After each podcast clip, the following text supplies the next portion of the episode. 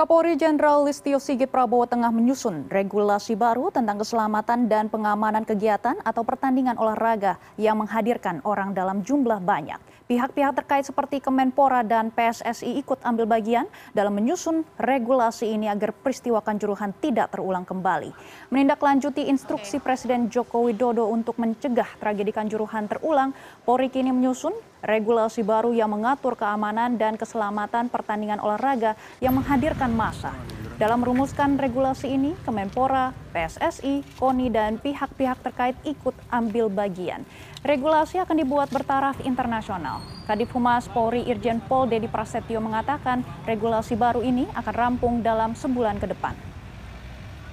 Karena ke depan harapan kita dengan adanya perubahan regulasi keselamatan dan keamanan yang sedang digarap ini, dengan Bapak Presiden, tidak terjadi lagi kejadian-kejadian seperti di Kanjuruhan.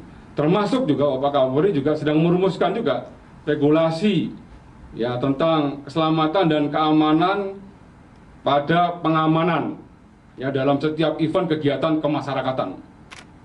Ya, ini betul-betul akan diterapkan dan betul-betul akan disosialisasikan dan harapan kita ya ke depannya akan setiap pertandingan yang melibatkan dan menghadirkan massa dalam jumlah banyak, keselamatan dan keamanan menjadi prioritas yang utama.